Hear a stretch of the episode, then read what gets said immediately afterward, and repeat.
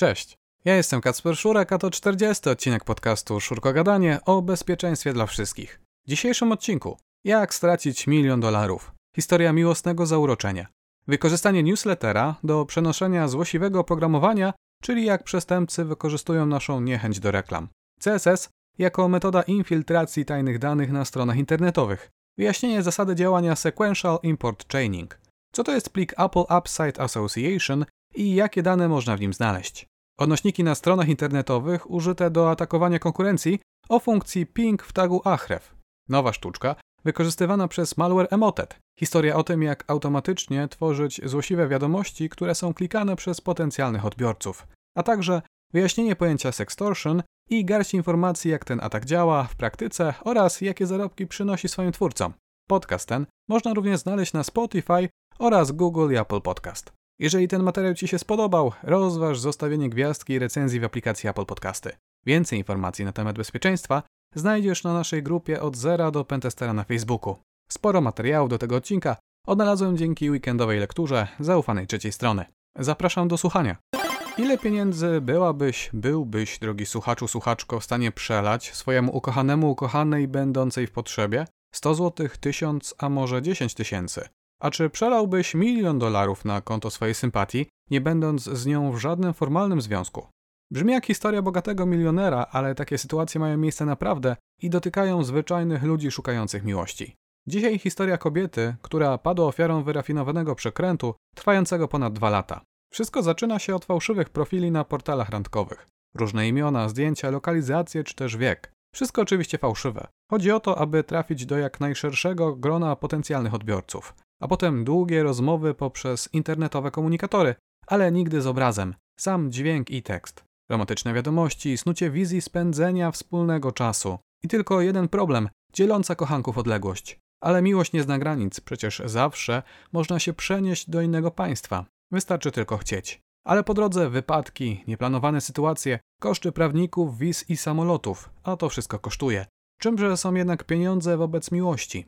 I tak zaczyna się przelewanie różnych małych i dużych kwot na konta bankowe. Prośby stają się coraz częstsze, a kwoty coraz większe. Ale jakże można przestać przesyłać pieniądze, gdy ukochana osoba jest w potrzebie? Przecież nam je odda, a już tyle oddaliśmy od siebie. Tyle zainwestowaliśmy w swoje szczęście. A na końcu, gdy już sprzedaliśmy całą naszą złotą biżuterię, pieniądze z konta oszczędnościowego się skończyły, a rodzina nie chce już pożyczać więcej pieniędzy, następuje opamiętanie. Po dwóch latach nagle dowiadujemy się, że to wszystko oszustwo, że nasz kochanek nie prowadzi firmy i nie wygląda tak jak z okładki tygodnika mody. Że tak naprawdę mieszka w Nigerii i cały ten czas nas oszukiwał. Ale jak to? Przecież rozmawialiśmy z jego rodziną, z córką, z mamą, ale czy aby na pewno? Co najciekawsze, przestępcy po złapaniu ofiary nie śpieszą się. Nigdy nie proszą o pieniądze w pierwszych wiadomościach. Potrafią godzinami snuć wizję wspólnej przyszłości, aby rozkochać osobę po drugiej stronie monitora. Po jakimś czasie wiedzą o niej już wszystko. Wiedzą na ile sobie mogą pozwolić i ile pieniędzy posiada ukochana.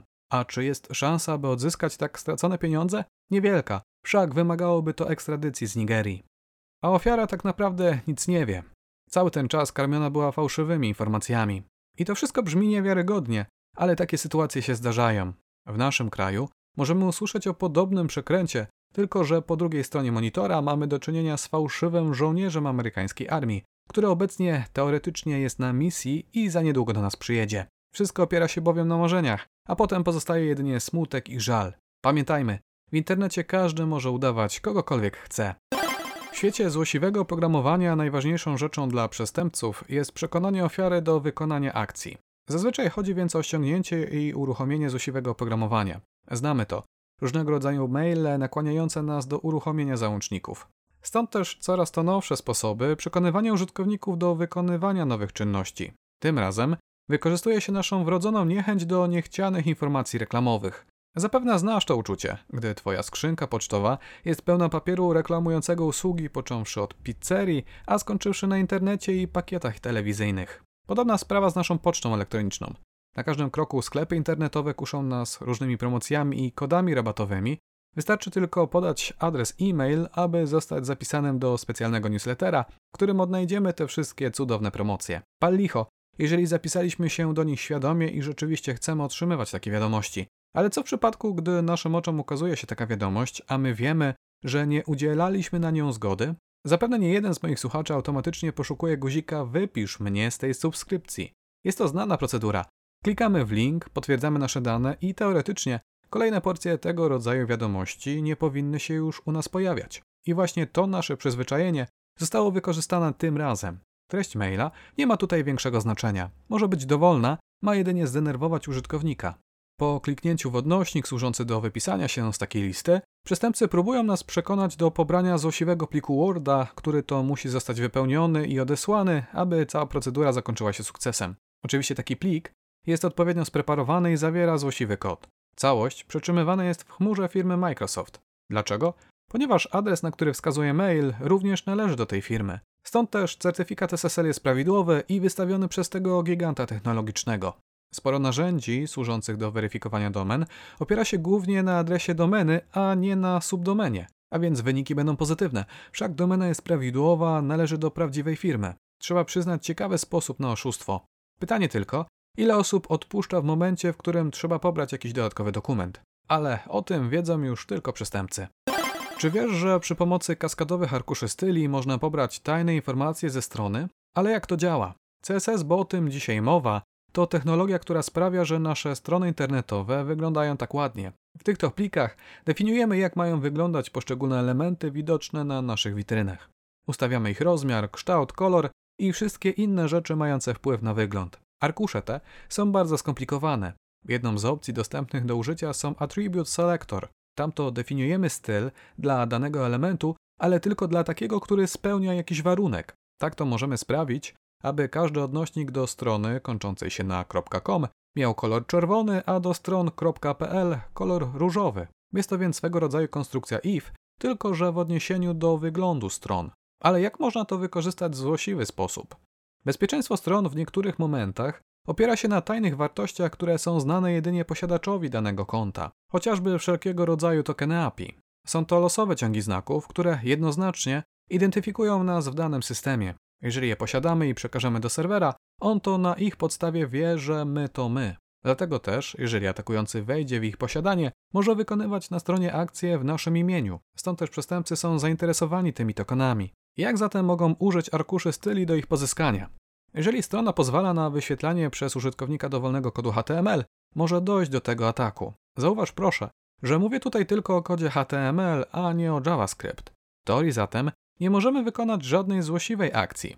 Wszak HTML to tylko wygląd, formularze i tabelki. No ale nie do końca. Przy użyciu CSS możemy bowiem stworzyć taki styl, który sprawdza, czy wartość interesującego nas elementu zaczyna się od litery A. Jeżeli tak, pobierana jest grafika z naszego serwera. Jeżeli nie, nic się nie dzieje. W CSS-ie możemy bowiem określić chociażby tło danego elementu, a tło to może być pobrane z dowolnej strony internetowej. Tą procedurę powtarzamy dla kolejnych liter od A do Z. W ten sposób atakowana strona wyśle żądanie do naszego serwera, próbując pobrać element, który pasuje do naszego stylu. A ponieważ każdy odnośnik ma swój unikalny numer, wiemy, który numer to która pasująca litera. Tak to pozyskujemy wiedzę na temat pierwszej litery. Teraz możemy kontynuować sprawdzanie dalej, wykonując tą czynność dla drugiej i trzeciej litery. Prosty atak, ale jego przeprowadzenie wymaga spełnienia kilku warunków. Nie możemy testować drugiej litery bez znajomości pierwszej. Musimy mieć zatem możliwość ładowania na stronie nowych elementów i ich odświeżania, a to nie zawsze jest możliwe. Ostatnio jeden z badaczy opublikował lekko zmodyfikowaną wersję tego ataku. Tym razem wykorzystuje on fakt, że strona może pobierać wiele arkuszy styli jednocześnie. Ale przecież serwer nie musi zwracać treści takiego arkusza od razu, w momencie otrzymania żądania. Może przecież je przetwarzać, co sprawi, że takie żądanie będzie trwało chwilę dłużej. Przeglądarka spokojnie na nie poczeka i przetworzy je dopiero, gdy otrzyma treść całego pliku. Tym razem atak wygląda zatem następująco. Załóżmy, że nasz tajny token ma 10 znaków.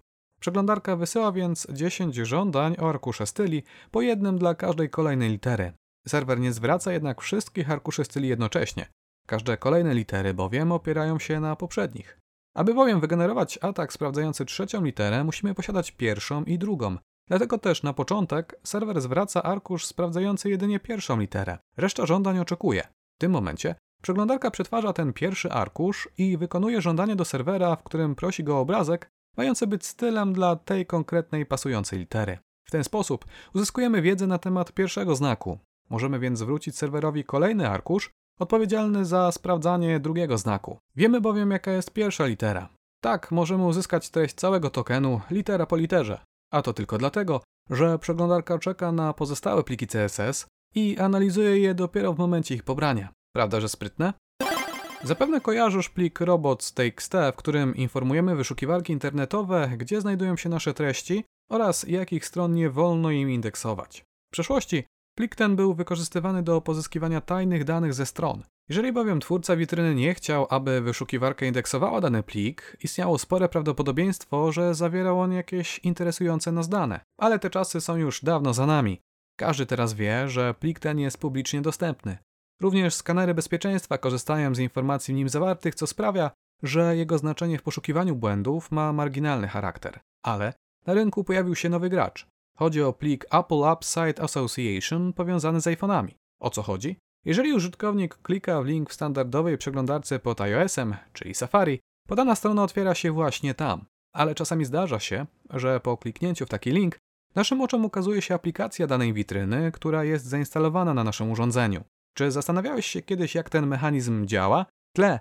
Telefon pobiera treść pliku Apple App Site Association. Tam to znajdują się informacje na temat aplikacji, które należą do właściciela danej domeny. Równocześnie w aplikacji znajdują się informacje o domenach, które należą do właściciela danej aplikacji.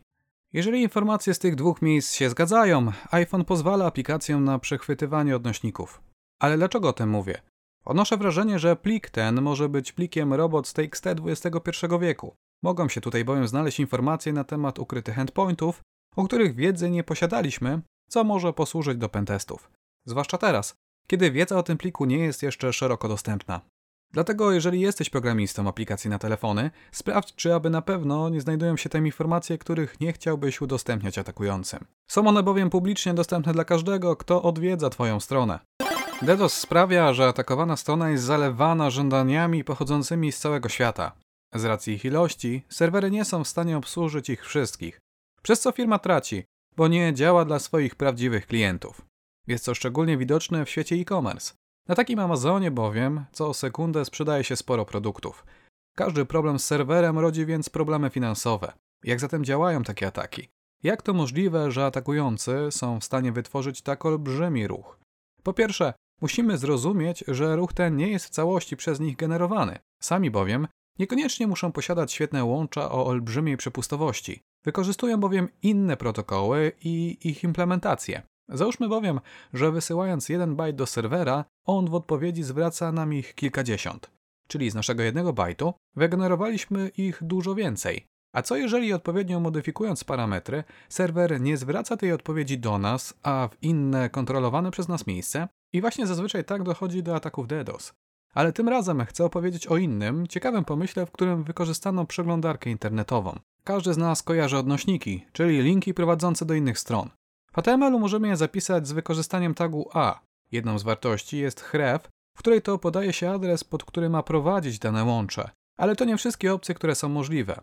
Można tam bowiem podać nieco mniej znaną wartość ping. Do czego ona służy? Głównie do zliczania kliknięć w dany odnośnik. Jest to szczególnie istotne w świecie dzisiejszych targetowanych reklam. Jak bowiem stwierdzić, że użytkownik kliknął w dany przycisk? Akcja ping pozwala właśnie na to. W momencie kliknięcia w dany link jesteśmy automatycznie przekierowywani pod podany adres URL. Równocześnie przeglądarka wysyła automatycznie żądanie ping do innego serwera. On to może chociażby zliczać nasze kliknięcia. Takie żądania pochodzące od funkcji ping bardzo łatwo rozpoznać. Należy poszukiwać nagłówków ping tu w treści żądania. No dobrze, ale jak można wykorzystać to w zły sposób? Wystarczy, że na swojej stronie umieścisz kod, który będzie automatycznie tworzyć kod HTML-a z jakimś odnośnikiem i odpowiednio spreparowaną wartością ping wskazującą na serwer, który chcesz zaatakować. Następnie przy pomocy kodu JavaScript klikasz ten link w losowych odstępach czasowych. Przez to przeglądarka automatycznie wyśle odpowiednie żądanie do atakowanego serwera. Ale dlaczego tak komplikować całą tą procedurę?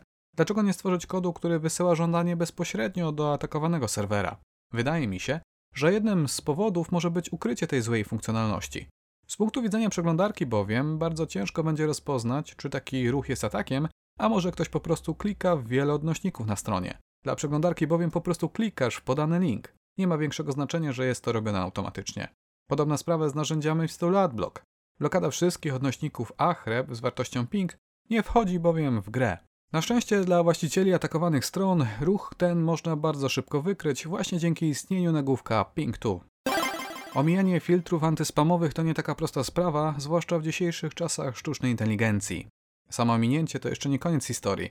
Najlepiej, jeżeli potencjalna ofiara zainteresuje się daną wiadomością. Na jaki zatem pomysł wpadli twórcy malware'u Emotet? Jeżeli zostaliśmy zaatakowani tym złośliwym oprogramowaniem, przeszukuje ono naszą pocztę internetową. Następnie na podstawie naszych oryginalnych wiadomości tworzy nowe ze złośliwymi odnośnikami i wysyła je do tych samych odbiorców.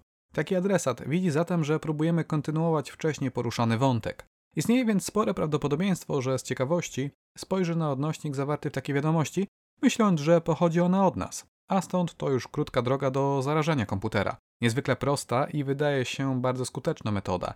Co więcej, trudna do rozpoznania. Każdy zarażony użytkownik będzie bowiem wysyłał inne maile bazujące na poprzednich wiadomościach. Jedyne co będzie w nich wspólne to odnośnik do złośliwego pliku. Ale jeżeli one będą unikalne, rozpoznawanie spamu będzie coraz trudniejsze.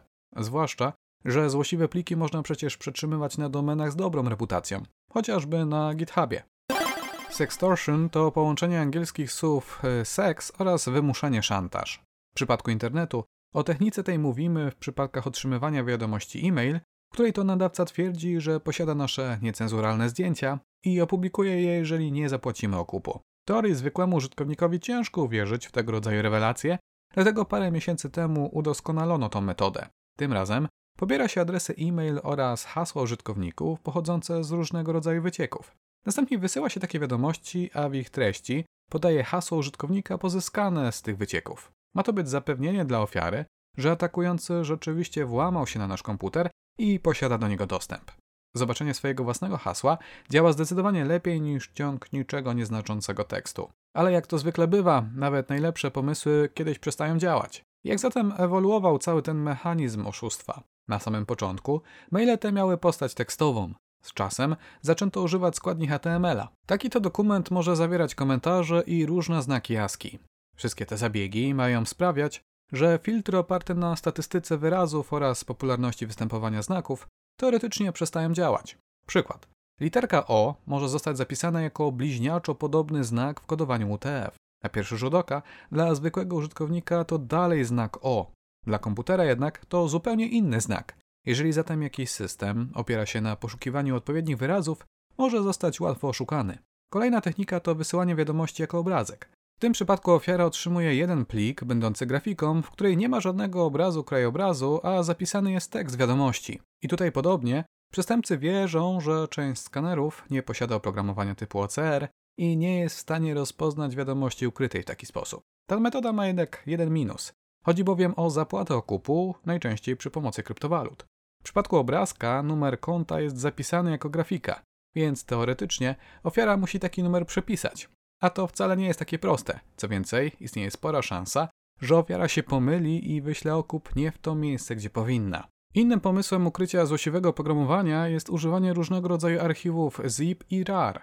Dla nowoczesnych skanerów antywirusowych nie jest to żadna przeszkoda. Mogą bowiem rozpakować tak stworzony plik i jego treść poddać analizie.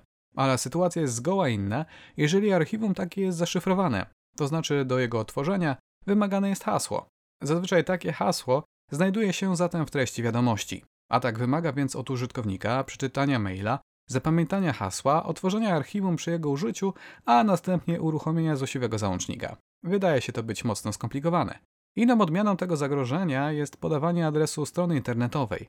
Hasło do archiwum znajduje się dopiero na takiej witrynie, która musi być uruchomiona przez potencjalną ofiarę. Nic więc dziwnego, że zyski z tej działalności znacząco zmalały. Według firmy, która analizowała tego rodzaju wiadomości, odnaleziono w nich 9000 unikalnych adresów Bitcoin. Na kontach tych znajduje się jedynie 17 tysięcy dolarów. Daje to skromny wynik 2 dolarów na kampanię, a trzeba pamiętać, że ilość wysłanych w taki sposób wiadomości idzie w setki. Wychodzi więc na to, że prędzej czy później zobaczymy nową falę reklam tego typu, ale ze zmienioną treścią. Obecna bowiem przestała działać, a metody omijania zabezpieczeń sprawiają, że coraz mniej użytkowników jest w stanie wykonać opisane tam akcje. I to już wszystko w tym tygodniu. Jeżeli Ci się spodobało, nie zapomnij o subskrypcji i zostawieniu łapki w górę. Do zobaczenia. Cześć!